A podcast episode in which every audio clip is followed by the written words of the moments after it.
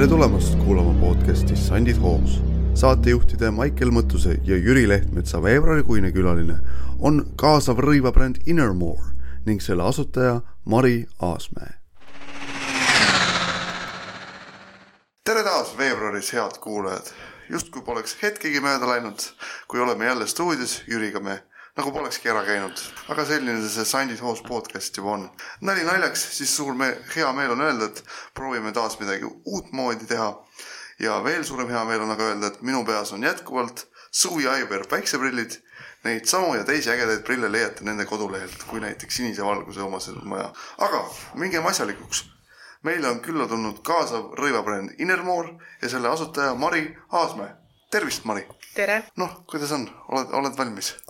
ma usun küll jah, ma ütleks, et äh, isegi põnevil, mitte ainult valmis. põnevil, no see on suurepärane. Jüri, kuidas sinul tunne on sellise tähtsa intervjuu eel? väga tore, et nüüd saab meil, Marika saab siis alguse uus nii-öelda. suund jälle. uus suund, et, et äh, firmad ja inimesed, kes annavad sattidele hoogu.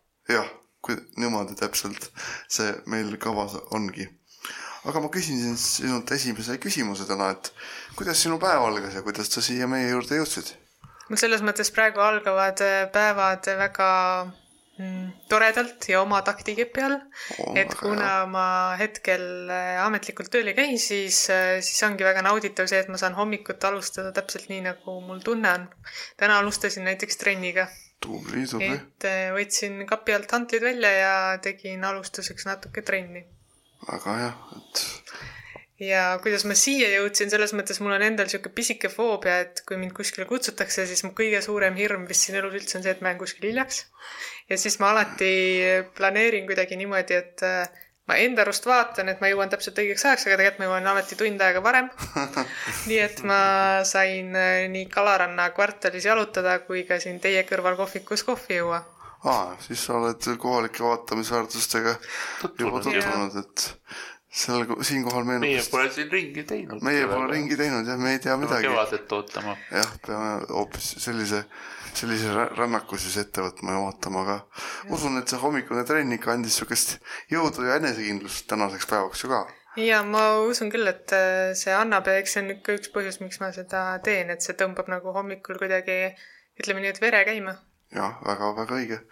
nii et siis oled sa täitsa head ettevalmistused mm -hmm. meie ju juurde jõudmiseks täna teinud. no ma kahtlemata valmistusin, ega ma niisama mütsiga lööma ei tulnud. tubli, tubli, seda on ainult rõõm kuulda, ainult tegusad inimesed see kuu meis, meil külas käivadki. just, just. aga mida sa oled õppinud ja kas ja kuidas see sind aidanud on? ma õppinud, selles mõttes mul on natuke sihuke hunt Kriimsilma taust, et äh, nagu sa tead, siis sinuga me tutvusime Tallinna Tehnikaülikoolis ja sealt mul mm -hmm. algas sihuke akadeemiline haridustee tegelikult, et sealt ma hakkasin rahvusvahelisi suhteid õppima. siis ma sattusin äh, praktikale Eesti äh, maaeluministeeriumisse, tookord oli maaeluministeerium ja siis mul tekkis fantastiline idee, et kui ma lähen õpin lisaks rahvusvahelistele suhetele veel ka Maaülikoolis, et siis ma olen ideaalne kandidaat töötamaks Maaeluministeeriumis. ja siis ma lõpetasin Tehnikaülikooli ära ja siis äh, sealt mõned aastad hiljem läksin edasi Maaülikooli õppima tootmist ja turustamist. ja siis äh, selgus pärast Maaülikooli lõpetamist, et tegelikult ma sinna ministeeriumisse väga tööle minna ikkagi ei taha et, äh, et siis ma võtsin mõlemalt erialalt need head teadmised kaasa ja tegelikult lihtsalt äh, hakkasin elu elama. aga mitte. ega jah, see ametniku töö ei ole dream job nii. ei tundu vist nii jah, kõigil siin, siinviibijatel ja paljudel mujal ka. et ise ka ju õppinud avalikku haldust, nii et peaks sul seal olema, aga ei tõmba kuidagi just, et kuidagi seal maa, maaülikoolis lõi mul nagu pildi sirgeks, et ei, ma ikka ei taha seda tööd teha. et kuidagi, kui ma läksin Tehnikaülikoolis, siis mulle tundus see jube glamuurne, et kuidagi sihuke vanalinnas ja ministeeriumis ja lõuna ajal käid kohvikus, jood kohvi ees, lähed sinna tagasi, see kõik tundus nagu sihuke mingi täiesti teine maailm. aga jah, seal Maaülikoolis ma sain aru, et ma tegelikult ei, ei taha nagu seda, seda tööd teha naise arusaamine on igale inimesele lubatud, isegi sellest ühe korra elus aru saadud ja täna me siin Jüriga oleme veebruarikuus saadet, saadet tegemas juba vist oota, ma mõtlen. äkki sa oled meil juba neljateistkümnes, see võib küll olla, ma pean pärast vist on jah. numer, nummerduse, nummerduse üle vaatama, et kui me võtame siin Tervisetaskuga tehtud koostöö, siis peaks neliteist olema. et sihuke üsna ilusad numbrid juba hakkavad, hakkavad meil tekkima. mm. -hmm.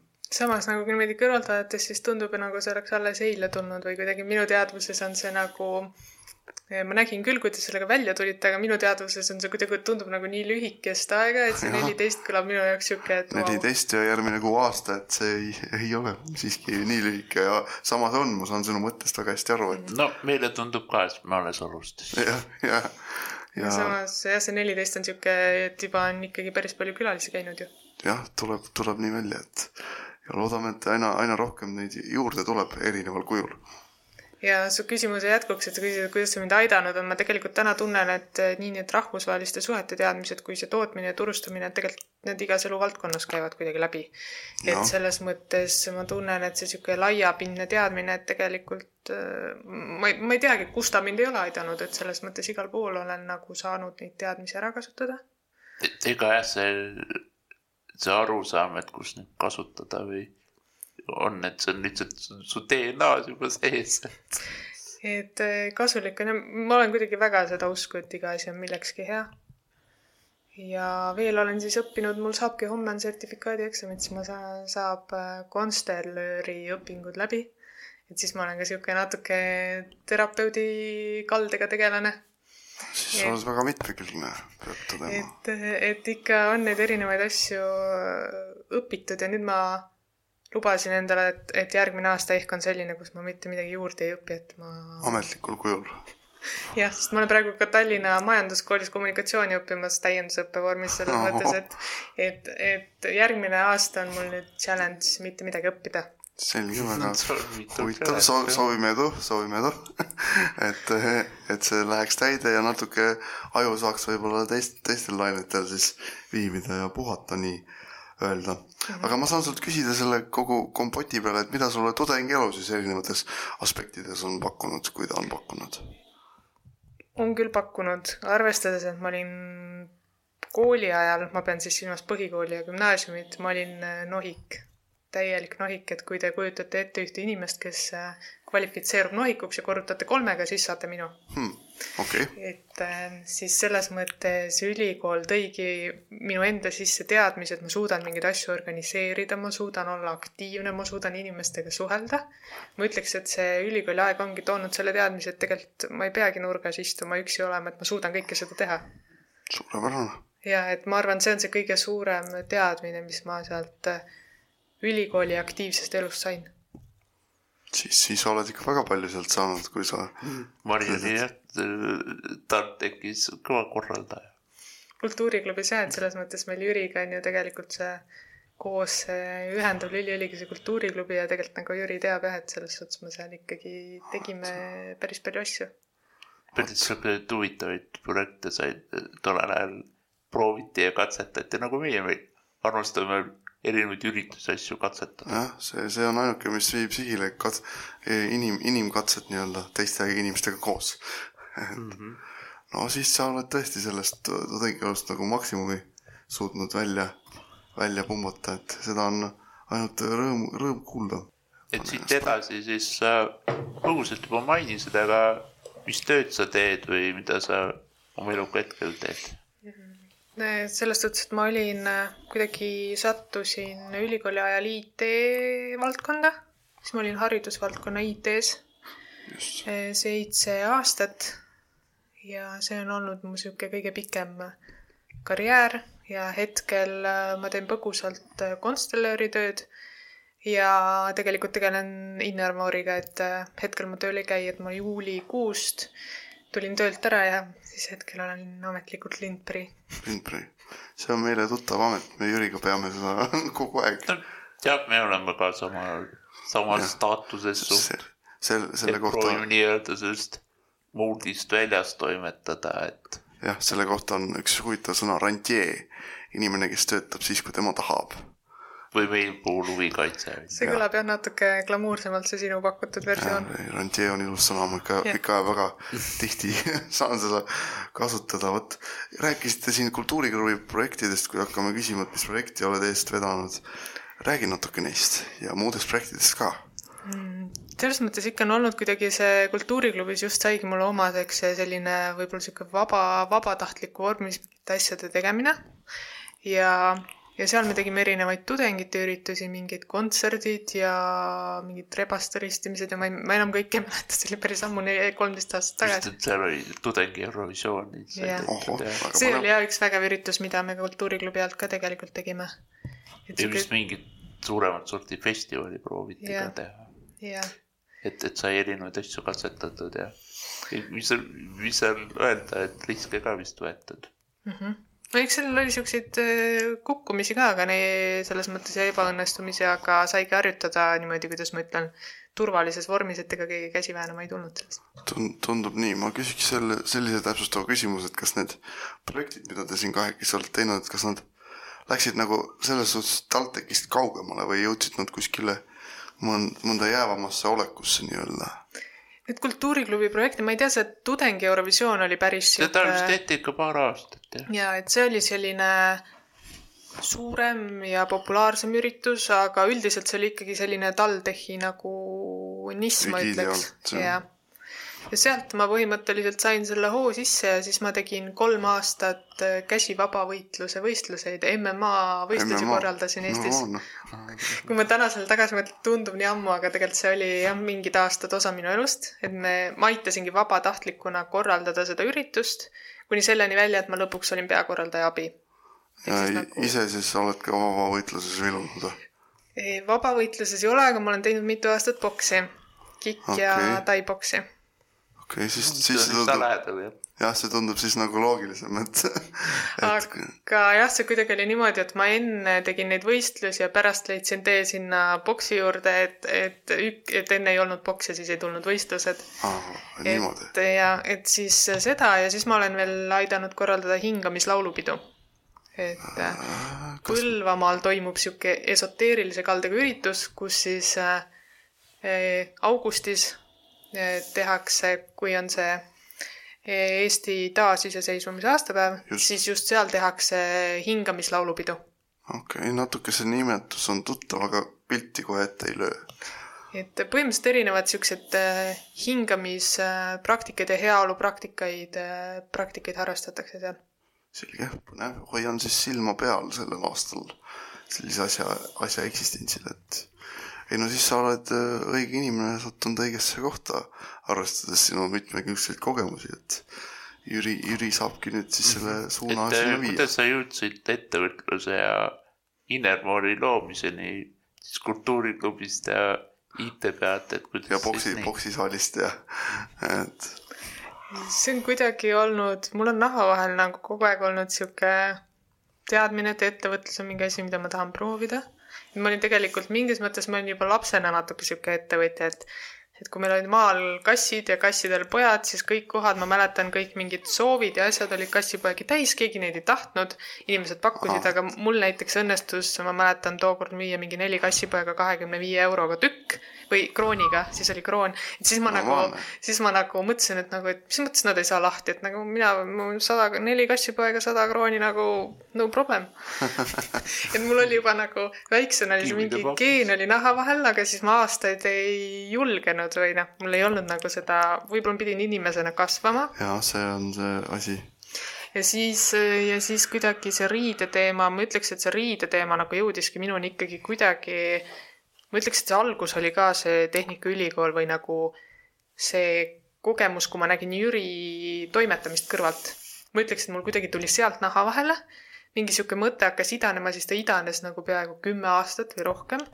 Ja siis ma mõtlesin, et aga nagu kuidagi hakkame pihta sellega noh, head asjad peavadki kaua, kaua nagu mari-, marineerima nagu öeldakse. ja et ega ma täna veel ei tea, mis sellest selles mõttes täpselt äh, saab, aga, aga sealt kuidagi see idee hakkas idanema ja täna minu jaoks on nagu väga loomulik kuidagi seda riideteemat just niimoodi inimesteni tuua, nagu mul see mõttes on, et peaks tooma. või et kuidagi mul on nagu hull tahtmine seda suunda mudida, et mulle tundub, et seal rõiva, rõiva valdkonnas on nagu jäetud täitsa, täitsa sihuke, sihuke mingi ainult üks kitsas rada. et meil on nagu aega avarduda. jah, väga, väga, väga õige. no ma saangi sult küsida siis, et mis on Innermoori missioon ja eesmärk, kas selle, kas selle kitsa raja laiendamine ongi see eesmärk ja missioon? ma, ma ütleks küll, et ühest küljest on muidugi see, et ma tahan näidata, et riideid saab nagu kuidagi valmistada ka laie, laiemalt mõeldes. Aga teine on see, et ma tahan näidata, et kui ma suudan selle toote või teenuse selliselt üles ehitada, nagu ta minu vaimusilmas on, et ta on niisugune arvestav, et siis äkki mingid teised brändid, mingid teised ettevõtted näevad, et aga näed, see ei olegi võimatu et, et ühest küljest ma tahan ka nagu tervikuna näidata, et äh, ka kaasaegne ettevõtlus on kohe võimalik niimoodi üles ehitada, et, et sa kaasad erinevaid huvigruppe, erinevaid sihtgruppe, arvestad erinevate inimestega. et, et ma pigem tahan nagu mudeldada seda kuidagi. See oleks väga meeldiv, kui see muutuks nii-öelda baasmudeliks mm -hmm. ja arusaamiseks, mis paljudeni, paljudeni jõuab ja, ja läbi selle meieni jõuab. nagu jah, seal teisipäeval sellel ligipääsetavuse sprindiüritusel tegelikult noh, nagu ongi näha, et juba ühiskond vaikselt liigub, et me räägime järjest rohkem, et neid teenuseid tulebki selliselt arendada, et need on kõigiga arvestavad. aga no ikkagi Eestis on nii, nagu on. Eestis on nii, nagu on jah, peame, peame kõik ruumis olejad tä- täna seda siin nõus. tõdema. Aga no vaikselt jah, midagi liigub ja ise peame me seda liigutama, nagu näib, et siia oleme selleks täna kokku tulnud. just. Mm. aga millised on praegu olnud nagu suurimad arengud ja võlud selle Innermoori juures? võidud. võidud ja ütleme, et äh, kõige suurem võit on olnud see, et ma olen inimesena saanud palju teadlikumaks, kuidas see ettevõtlusmaailmas üldse, kuidas see maailm pöörleb. Kui palju sa saad võib-olla arvestada teistega, kui palju sa pead äh, ise hakkama saama. ütleme, et eelmine aasta oli selles mõttes, eelmisel aastal me tulime temaga nagu ametlikult välja ja eelmine aasta oli väga karastav selles mõttes, et noh, ma täna tagantjärele vaadates ma näen, kui kui roheline ja naiivne ma kohati olin. et, et tänaseks äh, ma mõtlen paljudest asjadest hoopis teistmoodi, kasvõi sellest, et äh, et ma saan ka aru, et kui see on nagu minu idee ja ma tahan seda teha, kui palju ma siis äh, pean tegelikult arvestama sellega, et siis, siis ma peangi seda ise tegema, et ma ei no,, ei saa nagu väga loota, et keegi ma ei tea, mind toetab või, või kampa tuleb, et ma pean ta ise kuidagi kuskile maale üles töötama ja siis võib-olla, kui keegi nagu haakub, et vägev asi, siis nagu rohkem niisugust mm, võib-olla mingit äh, poolehoidu leida. just. et, et hästi-hästi palju õppisin eelmisel aastal just äh, selles plaanis. eelmine aasta vist oligi siuke õppimise aasta, me õppisime Jüriga ka hästi palju podcast'i tegemise kohta. ja oli küll jah. et, et ma ütleks, see arengud on praegu see, et me oleme mingeid asju natuke ümber mõelnud, me võtame võib-olla palju rahulikumalt, et me olemegi seadnud sihiks, et läheme kasvõi nii-öelda särgi kaupa, aga vähemalt hakkame tegema ja nagu palju selles mõttes nagu tagasi tõmmanud, et pigem me läheme rahulikumalt, aga me ikkagi teeme, et, et selline ütleme nii, et rohkem kahe jalaga maa peal, kui ma olin eelmine aasta. ja eks see kõik kogemus tuleb ajaga, nagu öeldakse ja jah, see start ja, nii-öelda startup'i loogika on väga, meie rakend-, proovime ka samuti seda rakendada. jah, et vaikselt. et lähme minema ja siis hakkame jooksvalt nagu seda kokku klopsima mis- neid asju. mis külge jääb lumepallile, et päris huvitavaid, huvitavaid asju on külge jäänud, kasvõi No. meie, meie tänane kohtlus siin on ka nagu sellega seonduvalt võiks öelda mm. -hmm. et ma saan aru, et arenguid on, aga kas äh, on olnud ka tagasilööke? Selles suhtes ma arvan, see on niisugune suhtumise küsimus, et tervikuna, kui ma, ma arvan, kui ma mõtlen sellest lähtepunktist, kus võib-olla ma ei taha üldistada, kust mõtleb keskmine inimene, siis terve eelmine aasta oli mingis mõttes tagasilöök. sellepärast, et nagu üks, üks asi teise järel tuli selline, mis, mis tegelikult nagu andis mõista, et nii ikka ei saa või nii ei tule välja. aga kui ma nagu mõtlen enda lähtepunktist, siis ma ei ütleks, et tagasilöök oli, sest ma nii palju õppisin selles, selles mõttes nagu minu, minu isiklikust vaatepunktist lähtuvalt siis ei olnud tagasilööke. väga hea. et, et me ei, me ei saanud küll minema võib-olla sellise hooga, nagu me tahtsime, aga teisest küljest ma õppisin meeletult palju. ma tunnen, et sel aastal ma olen nagu palju siukse kindlama käega mingeid uksi võib-olla tõmban lahti. väga hea. et selles mõttes ma ütleks, et ei olnud tagasilööke. siis, siis on suurepärane, et neid pole sellisel traditsioonilisel kujul nagu on olnud ja samas sinu jaoks ei ole. kui sa ei defineeri seda tagasilöögi, siis see seda on äh, ei võit, ole. võitja mentaliteet vist öeldakse selle kohta. ma no võib-olla küll jah. loodan, et ma nüüd ei eksi oma jutus. aga mida oleks Innermuri arenguks nagu edasi tarvis, et, et mis need takistused on, et, et täitsa huvitav oleks teada. Praegu ma mõtlen, et kui ma nagu mõtlen, mida meil vaja on, siis see, see nagu paika saada, et kui minimaalse ressursiga me saame nagu hakata reaalset toodet äh, välja turule tooma ja kuidas me leiame need, me uurime praegu tehaseid, kes oleks valmis neid riideid õmblema. et täna ei ole veel päris selge, kui, kui ja millise hinna eest me saame nendega kokkuleppele, sest selge on see, et me täna ei suuda kohe toota sadu särke või pükse, siis meil oleks valmi-, vaja sellist paindlikku koostööd, kes mõistaks seda meie tänast positsiooni ja, ja ka hinna osas oleks selles mõttes nagu paindlik, et, et see tootmishind ei oleks väga kõrge. et äh, võib-olla leida just see koostööpartner, kes hakkaks, kes mõistaks meie olemust ja hakkaks nagu tasakesi koos meiega tulema.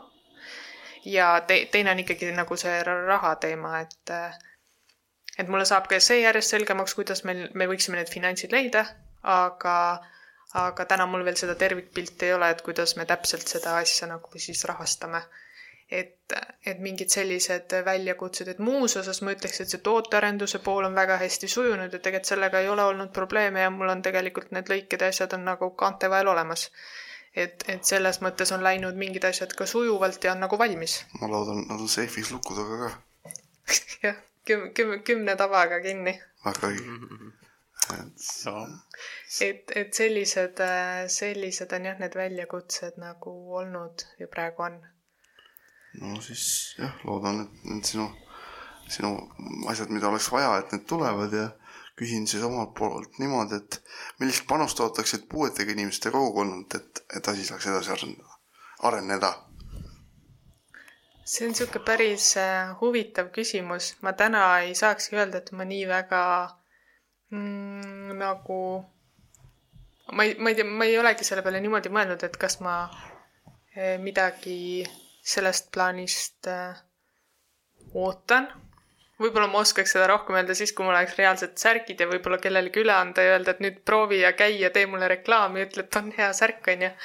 sest, sest täna ma olen näinud, et äh, et kui inimestel ei ole mingeid äh, asju olnud, siis nad õpivad kuidagi teistmoodi hakkama saama. Ja täna on nagu sellest plaanist äh, võib-olla kõige keerulisem, et kuidas ma suudan inimestele selgeks teha just mingile osale nagu sihtgrupist, et selle minu riidega on tegelikult nagu mugavam või parem või kuidas luua see harjumus. Jaa, et inimestel on oma need Ja, ja, rajad ja, nii sisse loodud, et et, et võib-olla kui üks hetk mul tõesti on need tooted valmis, siis ma võib-olla see panus, mis ma ootaks, olekski see, et ma reaalselt annan kellelegi selle kätte ja siis ta testib ja ütleb, et et, et proovib siis analüüsida, et kas tõesti on nagu parem. Ja võib-olla tulla ka mingis mõttes mugavusest välja, sellepärast et et tegelikult on täna harjutud, on ju, et noh, ma tõin kellelgi selle näite, et kui meil kunagi olid lauatelefonid, mobiiltelefoni ei olnud, siis ma arvan, et oleks läinud kellelegi rääkima, et kuule, ma toon sulle mobiiltelefoni, sellega parem rääkida, oleks öelnud, mida sa ajad nagu ja et lauatelefoniga on ju ülihea, et noh, ma tunnen, et ma olen natuke selles samas situatsioonis, et äh, kui ei ole olnud, siis, siis ilmselt Ei tea tahta, jah. just, just, et ma lähen paljude inimeste juurde, aga no mul on ju riided seljas, et kus see probleem on. See on vist iga uue siukse innovatiivse asjaga nõnda seal peab jah olema, et see kogu, no ideaalis peaks see kogu kapsul olema on ju kohandatud riideid täis. et, et kui sul on üks püksipaar ja üks, üks särk siis sellest jääb väheks. siis sellest jääb väheks, sest sa tahad nagu vaheldust ja võib-olla ongi noh, sa pead nagu selle ühe särgi ja pükste pärast nii palju ümber harjuma. et, et see, see on vahel ilmselt takistus veel. ja see on, see on selles mõttes väga hea point, et, et ühest küljest jah, võib-olla kui sul kapp on kõik, kui sul ongi loodud terve kollektsioon kapp on neid täis, sa oled nagu sundolukorras, sa pead neid selga panema, sest kui sul muid riideid seal kapis ei ole, onju. ja teist, teisest küljest jah, võib-olla, et kui sul on hästi lai valik ja ta kuidagi ka võib-olla selle valiku või värvide või ma ei tea, mille iganes poolest juba nagu eristub, et sa näed, et kui ma selle selga panen, siis ma olen ka kuidagi, ma ei tea, näen ägedam välja, onju.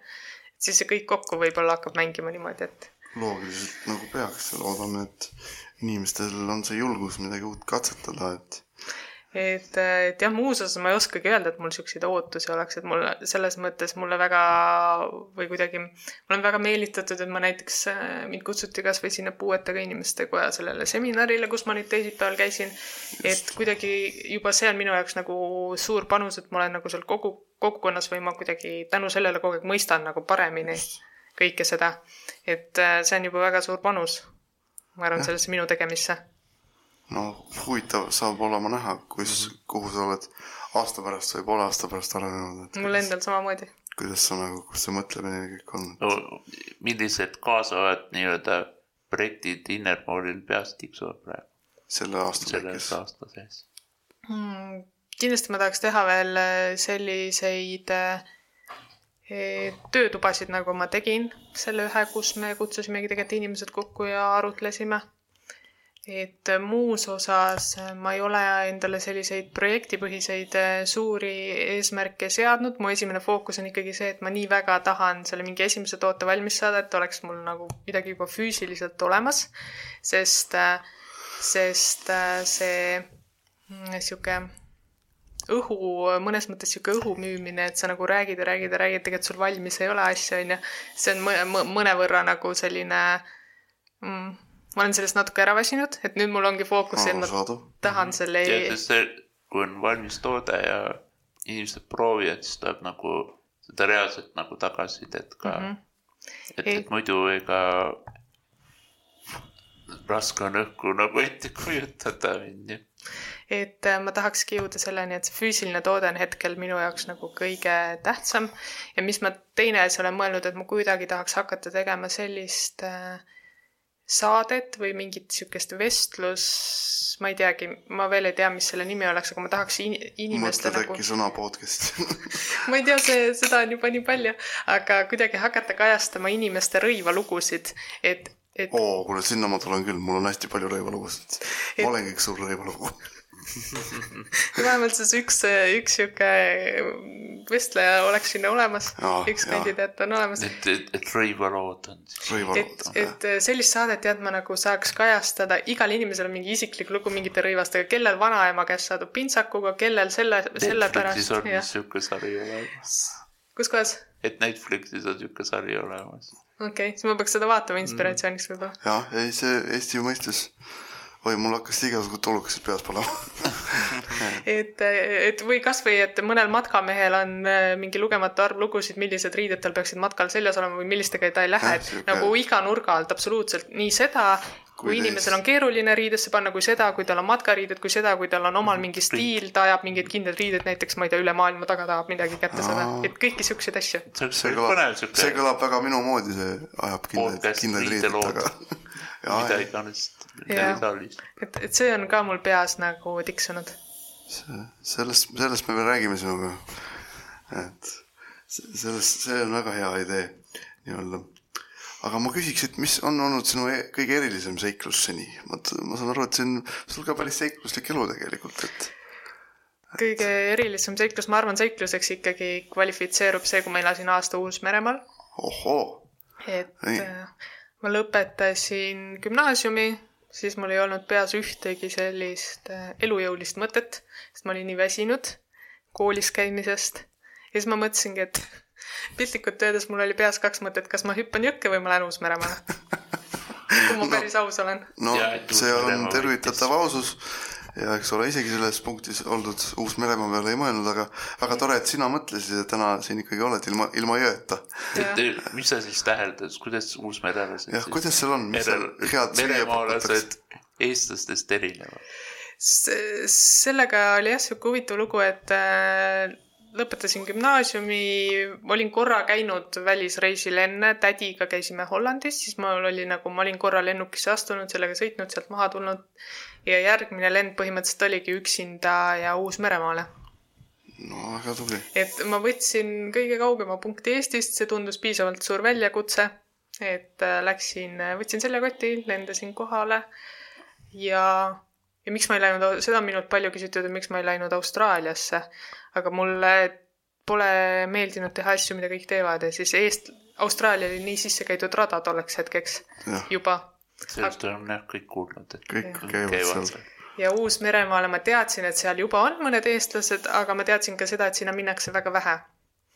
ja siis nii see Uus-Meremaa minu juurde tuli ja ma läksin ja, ja ma ütleks, et äh, tegelikult ei erine, et uusmeremaalane erineb eestlasest äh, võrdlemisi vähe, aga samas seal on hästi kirju seltskond, sest sealt on üle Euroopa kokku tulnud äh, igasuguseid inimesi, seal on hollandlased äh,, asiaadid, noh, asiaat ei ole muidugi Euroopast, aga ütleme, et sealt on üle maailma kokku tulnud kõike ja siis nad seal niimoodi elavad rõõmsasti, aga sihuke heleda nahaga uusmeremaalane tegelikult ma ei tundnud, et eestlasest väga palju erineks ja võib-olla see oli ka see, mis tõi mind nagu kiiremini koju tagasi, sest ma ei leidnud seal mingit siukest, et vau, et nüüd ma olen mingis nagu nii aa, et sa ei kaotanud otseselt südant sinna, sinna nagu öeldakse. jah, et, et ma aasta nagu, ma läksin sinna kasvama ja ma aasta aega kasvasin ja ma täitsin kõik need linnukesed ära, mis ma nagu tahtsin.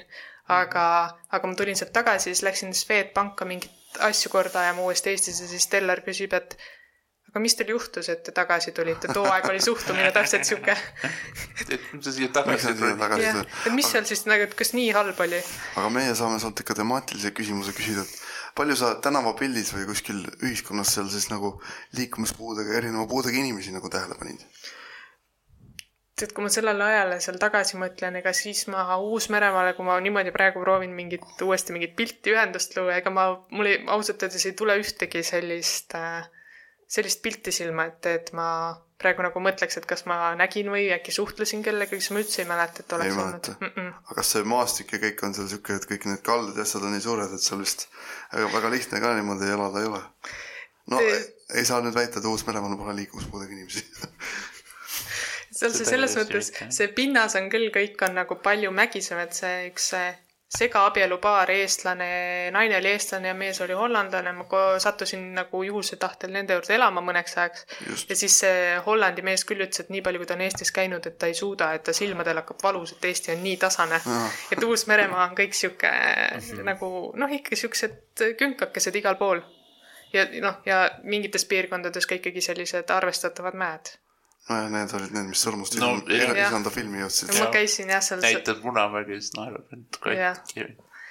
et seda Sõrmust isanda sõrmust ma käisin spetsiaalselt ikkagi vaatamas ja Tubli, kõik need tubli. asjad said tehtud. see on, see on õige, siis on vähemalt see kogemus. kohustuslik osa sai ära tehtud. jah, aga oled nüüd siis, aga nüüd ei ole aastaid hiljem tulnud kutset, et läheks korra kas või noh, ma ei tea, no nädalaks läheks tagasi või, või kui üldse nii saab sinna minna. Saab ikka selle turistiviisaga minu meelest isegi kui ma ei eksi, kolm, kolm kuud äkki või seal ikka saab olla, tiksuda küll. jah. tundub Aga- nii, jah. aga nüüd, kus siin Euroopas on need ajad sellised segased ja võib-olla veidi hirmutavad, kogu see sõjateema, siis, siis ma ikka naljatan tuttavatele tihti, et praegu tundub see ainus safe place nagu Uus-Meremaa, mis on nagu täitsa sihuke neutraalne kant. keset, keset merd jah. keset merd ja, ja ma- maismaast kaugel. jah, et, et siis ikka on olnud sihuke, et võib-olla ma täiesti, kui keegi tahaks nagu kaasa tulla, võib-olla ma läheks poolenisti giidiks, poolenisti nagu ise, et huvitav, kuidas ma täna seda riiki tajun. et üldse ei välista, sest mulle lennukiga meeletult meeldib lennata, et need kolmteist ja neliteist tundi lennukis, see on ainult nagu palsam mu hingele. ah, okei okay.. noh, siis tore, et teada, et selliseid inimesi ka olemas on. Aga mina küsin sult, et kes on sinu suurim eeskuju või eeskujud? kusjuures eile, kui ma neid küsimusi lugesin, siis ma nagu mõt-, ma jäin pikemalt nagu mõtlema selle küsimuse üle, et et mis ma siin siis nagu ütlen ja siis mul tuli meelde, mis ma sellest asjast nagu arvan, et tegelikult äh, ma ei olegi kunagi endale niimoodi justkui eeskujusid äh, nagu seadnud või neid ei olegi mul selles mõttes olnud, aga mul on mingid inimesed, kes mind inspireerivad. ja täna on, on Eesti üks moelooja Ro- Roberta Einar, võib-olla olete kuulnud, võib-olla meedia vahendusel jah, ikka, et ikka., et ta on üks siukseid äh, väljapoole tuntumaid Eesti võib-olla moeloojaid. ja tema on selles mõttes inspireeriv, et ta ta põhimõtteliselt teeb siukseid põhimõtteliselt koopkleite, mis on sellised äh, noh, näevad võrdlemisi ekstravagantsed välja. Ja ta on, tal on ka hästi palju öeldud, et äh, noh, et mis sa teed ja kes neid kannab. aga ta on äh, tänaseks viisteist aastat juba visalt oma rada ajanud, neid leite kudunud, täna juba superstaarid nagu Lady Gaga ja kõik, kõik sellised kannavad ja ostavad tema loomingut. et kuidagi see tema visadus on mulle inspireeriv.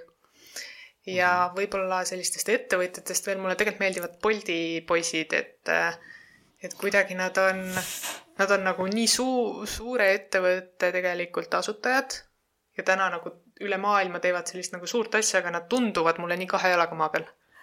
mis võikski olla ideaal, et ükskõik kui suurt asja sa teed, et see inimlik osa nagu, et, et sa jäädki selleks, mõnes mõttes selleks lihtsaks, lihtsaks inimeseks heas mõttes.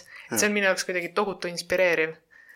et, et Bolti poisid ka mulle meeldivad ja iga kord tegelikult, kui ma käin ka seal Eesti puuetega inimeste kojas nüüd need korrad, mis ma olen nagu kuidagi sattunud või üldse nende inimestega rääkima, kasvõi nagu teiega ka, et siis äh, ka see seltskond on tegelikult minu jaoks väga inspireeriv, sest ma iga kord kuidagi, ma tunnen, et et kõik see tõmbab mind nagu maa peale tagasi ja ma nagu väga hästi saan aru, mis on need päris väärtused elus ja kuidas nagu üldse elus saab toimetada.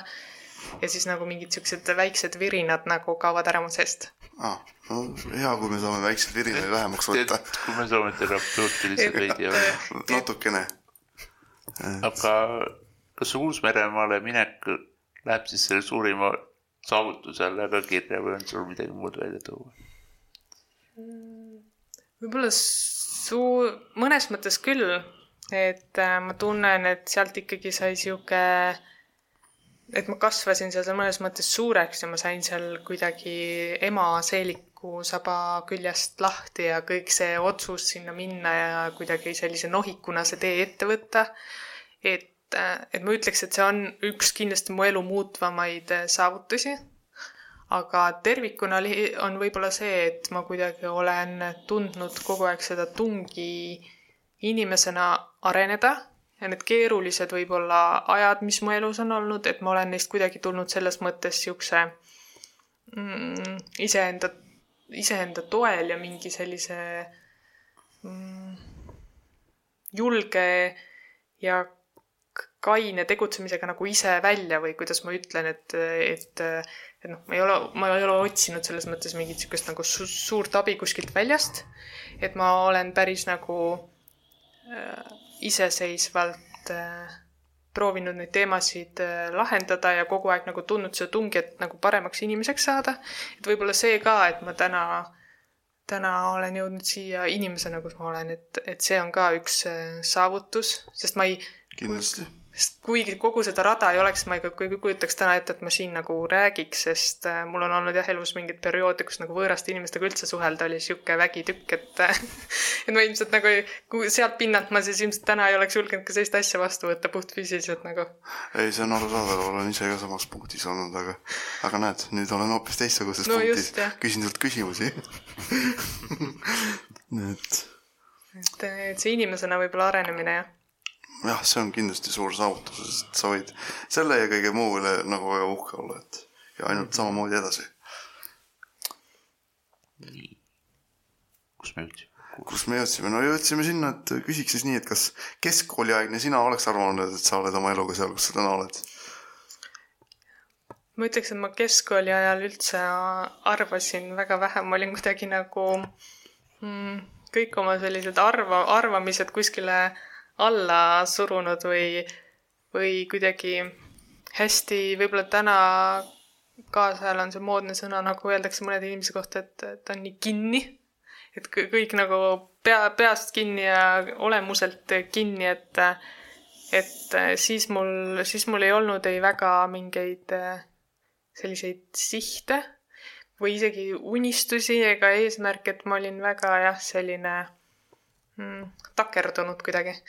et äh, ma ütleks, et ma isegi tol ajal ei osanud äh, mõelda või et noh, täna ma mõtlen sinna, sest see aeg oli kuidagi minu jaoks sihuke lihtsalt raske. et äh,, et noh, kui ma täna sinna tagasi mõtlen, siis kindlasti sellelt pinnalt, kes ma gümnaasiumis näiteks olin, et siis äh, ma isegi ei mõelnud, et must kedagi või midagi üldse saab natuke tuttavad mõtted, ma olen ise keskkooli suhtes täiesti samas olukorras olnud, et ei, olnud see ka minu jaoks kõige erilisem aeg ja ei osanud sealt üldse tulevikku mm -hmm. ette kujutada, et see on no mulle sõna otseses mõttes üks-ühele suht sama teema nagu, et saan väga hästi aru sinust sellest seisukohast. et et ei, ei oleks osanud jah mõelda. no aga tore, et, et, et oled ilma tollel ajal mõtlemata siiski tänasesse päeva jõudnud sellisel kujul, kujul nagu see on. aga au on Jüril. Äh, mida sa soovid, et inimesed sinu kohta teaks? kunagi äh, ma tean, et mu kõige suurem soov oli see, et äh, kuna mulle vaadati näkku ja siis mõeldi, et ma olen hästi kuri inimene, aga siis hakati nagu minuga vestlema ja saadi aru, et tegelikult ei olegi kuri. siis mul oli inimestele nagu üks soov, et, et nagu miks te peate mind kurjaks, et ma tegelikult ei ole kuri. mis põhjus, huvitav. et tulge nagu, et nagu, et noh, see, et nägu, ma olen ikka öelnud, et noh, sündisin siukse näoga, et mis ma teen siis. et kui mul on sihuke tõsise, tõsisema äh, võitu nägu, jah noh, jah. kunagi, kunagi oli nagu see mu soov, et inimesed ei peaks mind kurjaks. aga täna võib-olla mm, kuidagi, mida ma võib-olla ootaks inimestelt, on see, et äh, inimesed vähem eeldaks või teeks ise mingeid järeldusi, et kui neil on mingi kahtlus või midagi tundub, et nad ei saa aru, miks sa midagi teed või kas sa teed, et nad nagu otse küsiks ja võib-olla see, mida ma tahaks, et inimesed minu kohta teaks, ongi see, et nagu no matter what, sa saad nagu kõike minu käest küsida. et nagu tule ja küsi ja ma olen alati valmis äh, vastama, seletama oma mingeid seisukohti nagu võib-olla avama ja kõike seda, et et ei ole vaja karta ega eeldada ega luua endale mingit pilti, mida võib-olla ei ole. sellele vist kirjutaksime mina ja Maicel samuti alla. jah, sellele kirjutaksime täiesti alla, et, et jah, et ei tasu eeldada, et me oleme torsis või kurjad või vahurad mm, -hmm. me oleme täitsa no avatud nagu ja öeldakse, et, tahame, et tahame rääkida. eeldamine loob kõige suurema sita, nii et jah Jah. ja., et, et just, et inimesed nagu võiks äh, täitsa, avat- täitsa,, avatumalt tulla ja küsida ja nagu ma ei tea, mis huvitab, siis kõigest saab rääkida, et võib-olla seda jah, et ma olen valmis nagu äh, enamasti, et ma ei, mul on elus olnud väga vähe situatsioone nüüd nagu hilisematel aastatel, kus keegi, ma ei tea, tuleb, küsib või ma ütlen, et oi-oi, et see on küll sihuke teema, et ära sa sellega tule, et ärme räägi.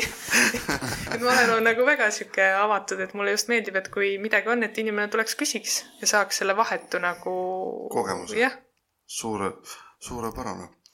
Et äh, mina küsin sult, et äh, mis on su kogumishuvi või eriline kirg? siit midagi juba on ilmnenud, aga kas sa kogud näiteks, kogud sa neid samu rõivaid, millest sa tahaks podcast'i teha või? kusjuures viimastel äh, aastatel mul ei ole, mul ei ole ausalt öeldes, ma praegu, võib-olla ma eksin, mul ei meenu, aga ma ei, isegi ei tea, et ma oleksin väga, mul on, et ma oleksin midagi kogunud, ma ei ole olemuselt nagu eriline koguja, ei ole koguja. aga ma mäletan, ma võin jälle natuke heietada siin lapsepõlvest, et ma, kui ma väike laps olin, siis ma kogusin äh, kahekrooniseid ja panin sada tükki pakki ja siis mul oli neid hästi palju pakke, ma mäletan, ükskord läksin panka, panin tädile kõik leti peale, ütlesin, et vahetame need nüüd ära, et andke mulle nüüd suuremad rahatähed vastu.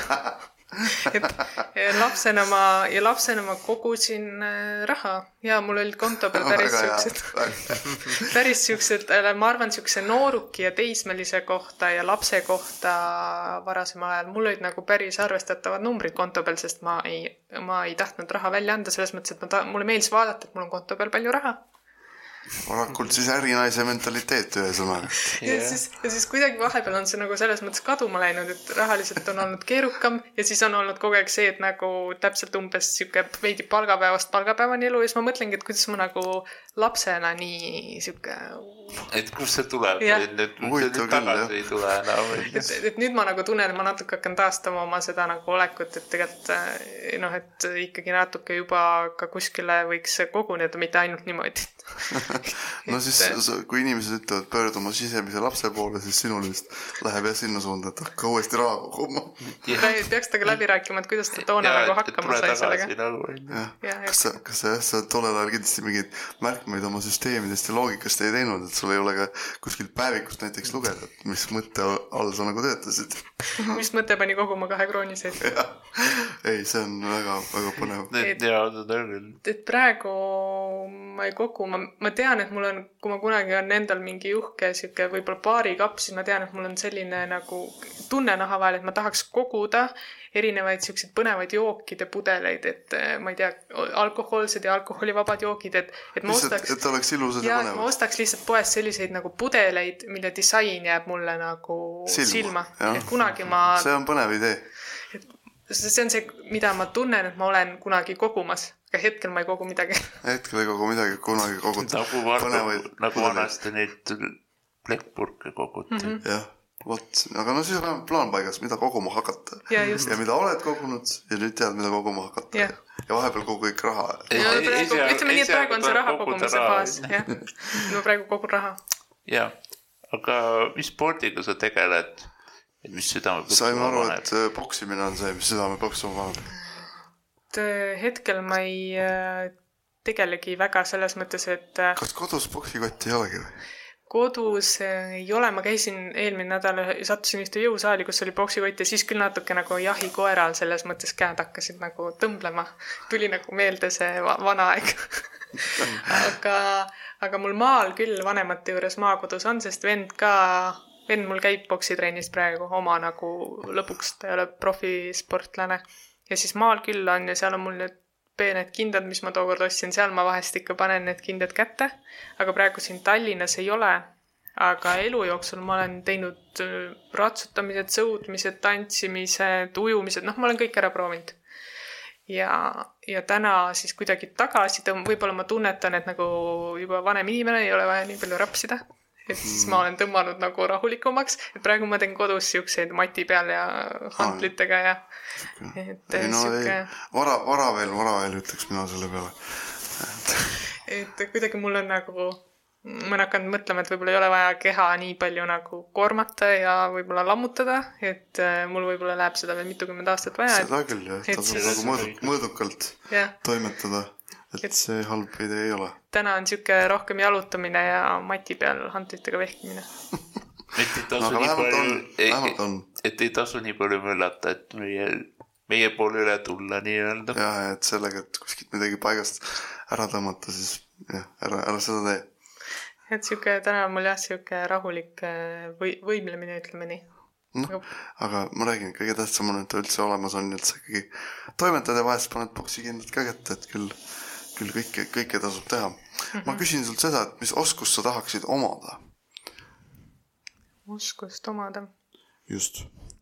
Hmm, see on hea küsimus. ma ütlen niimoodi, et ma tänasest plaanist ma tahan, ma olen bussiga sõitmisest nii väsinud, ma tahaks äh, omada oskust enesekindlalt autoga sõita.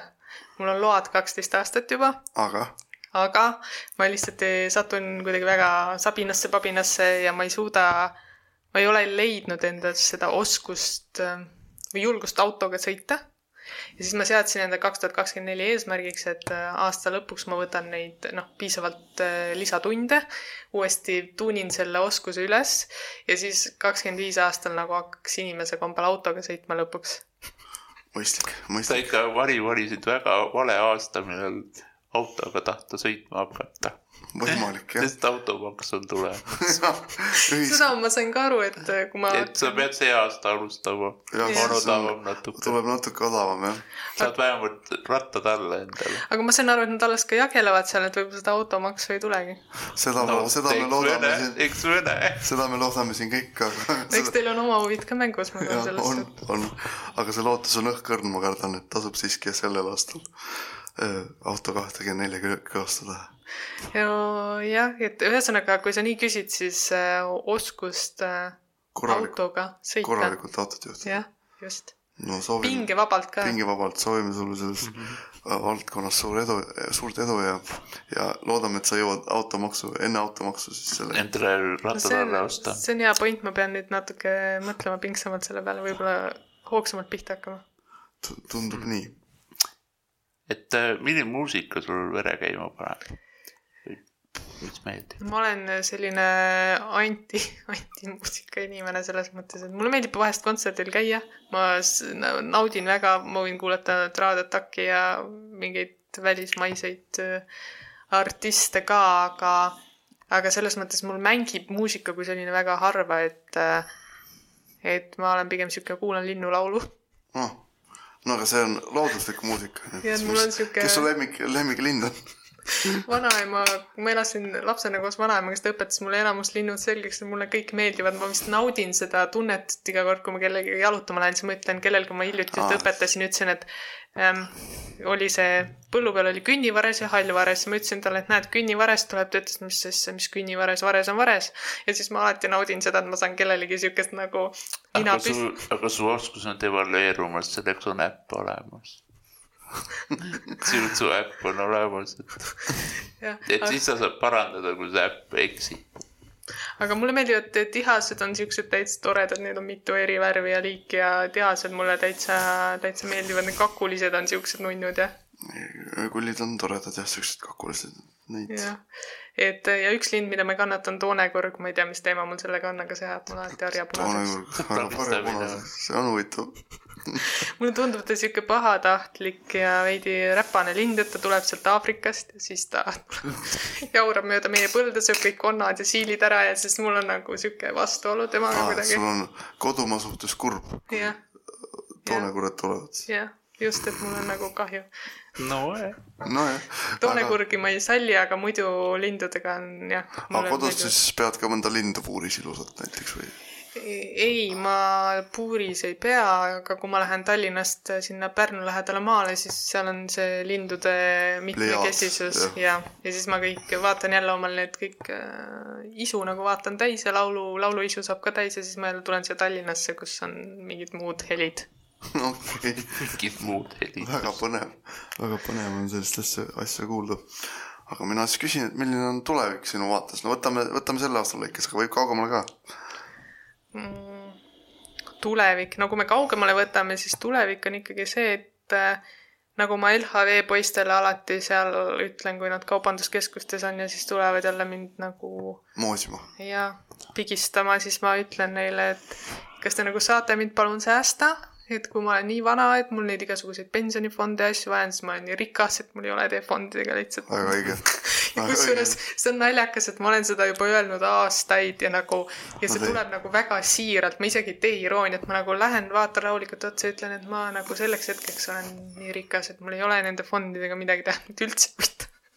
ja siis, siis lähen nagu edasi, et võib-olla tuleviku perspektiiv on ikkagi see, et, et ma käin oma sõnade järgi.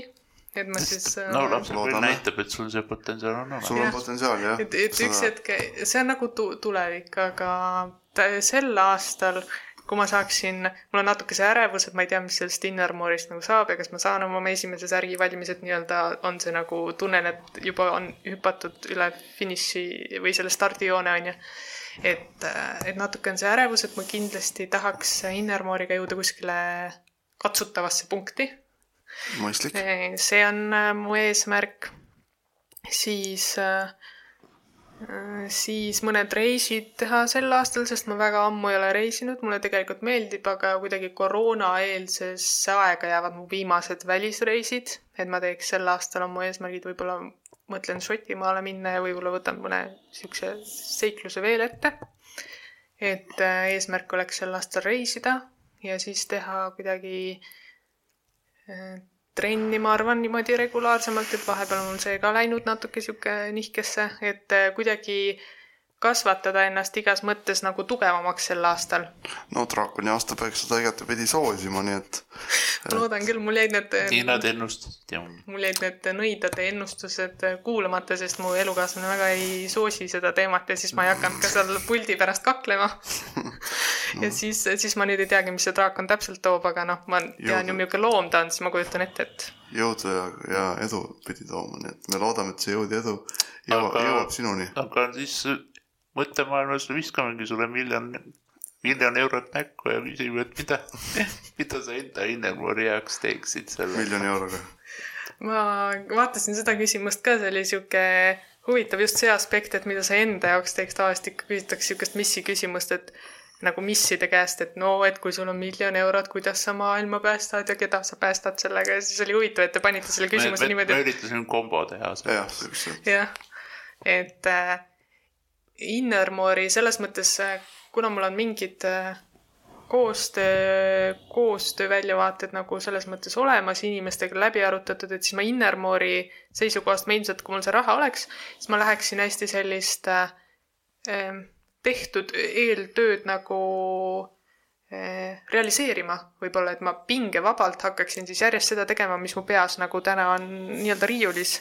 et, et kui tõesti see raha oleks, ja noh, see on selge, et selle nagu käivitamiseks miljon eurot nüüd kohe vaja ei ole, on ju, aga hea oleks, kui oleks mingi Oleks- reserv, et et ma tean, et ma saan nagu noh, ma saangi pingevabalt katsetada, nagu me enne rääkisime tegelikult, et noh, ega katsetades sa saadki need vastused, mis töötab, mis ei tööta, nii edasi, et mul oleks seda nagu, ma saaksin vabalt selles mõttes nagu no, mängida eks,. eksperimenteerimisraha nagu.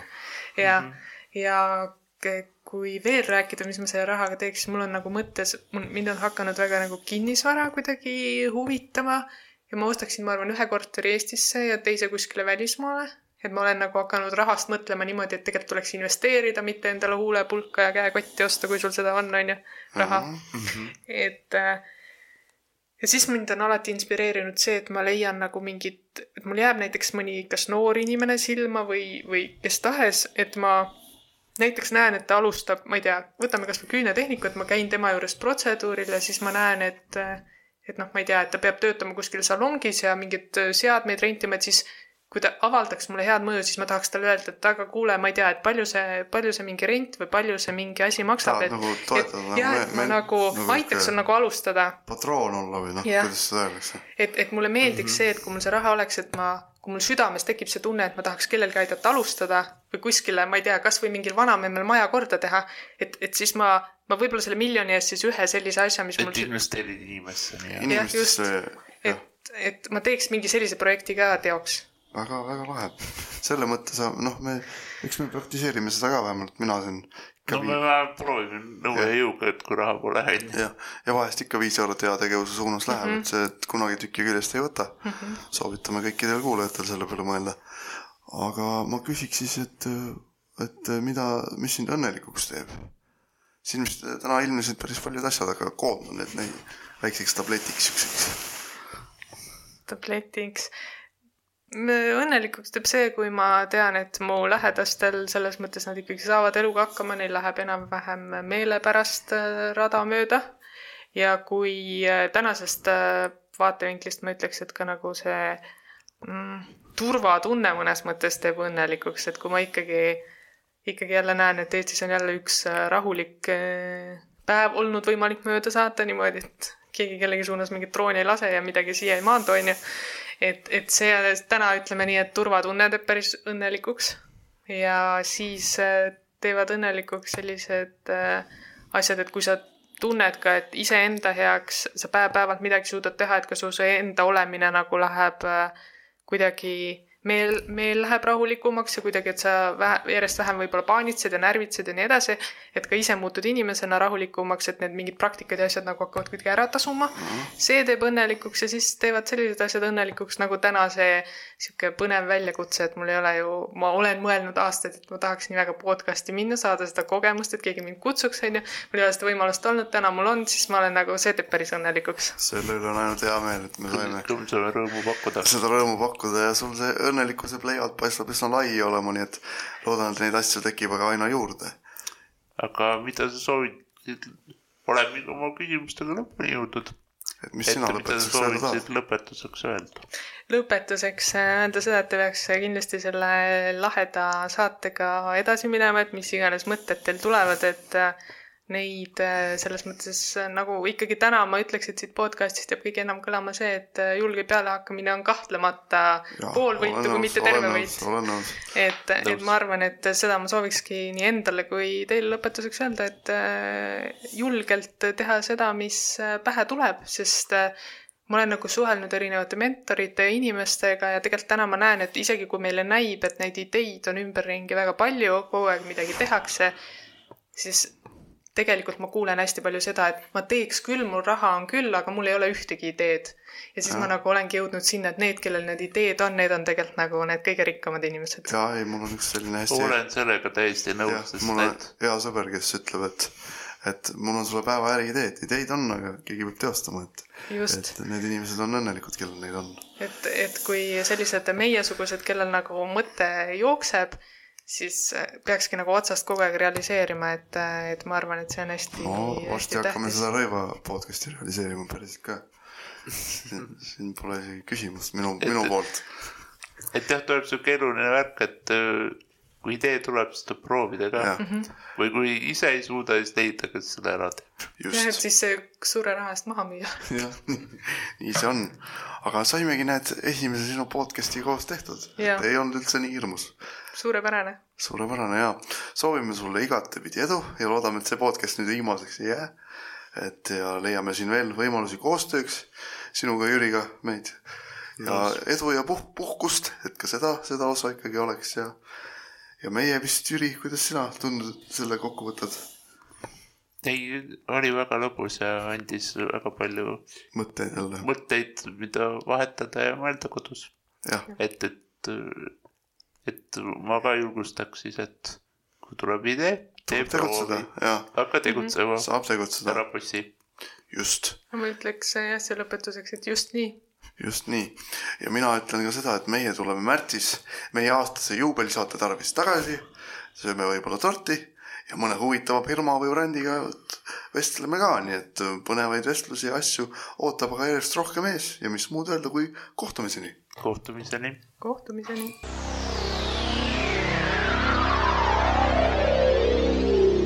Selline sai meie tänane saade. täname kõiki kuulajaid ning kohtumiseni meie järgmises saates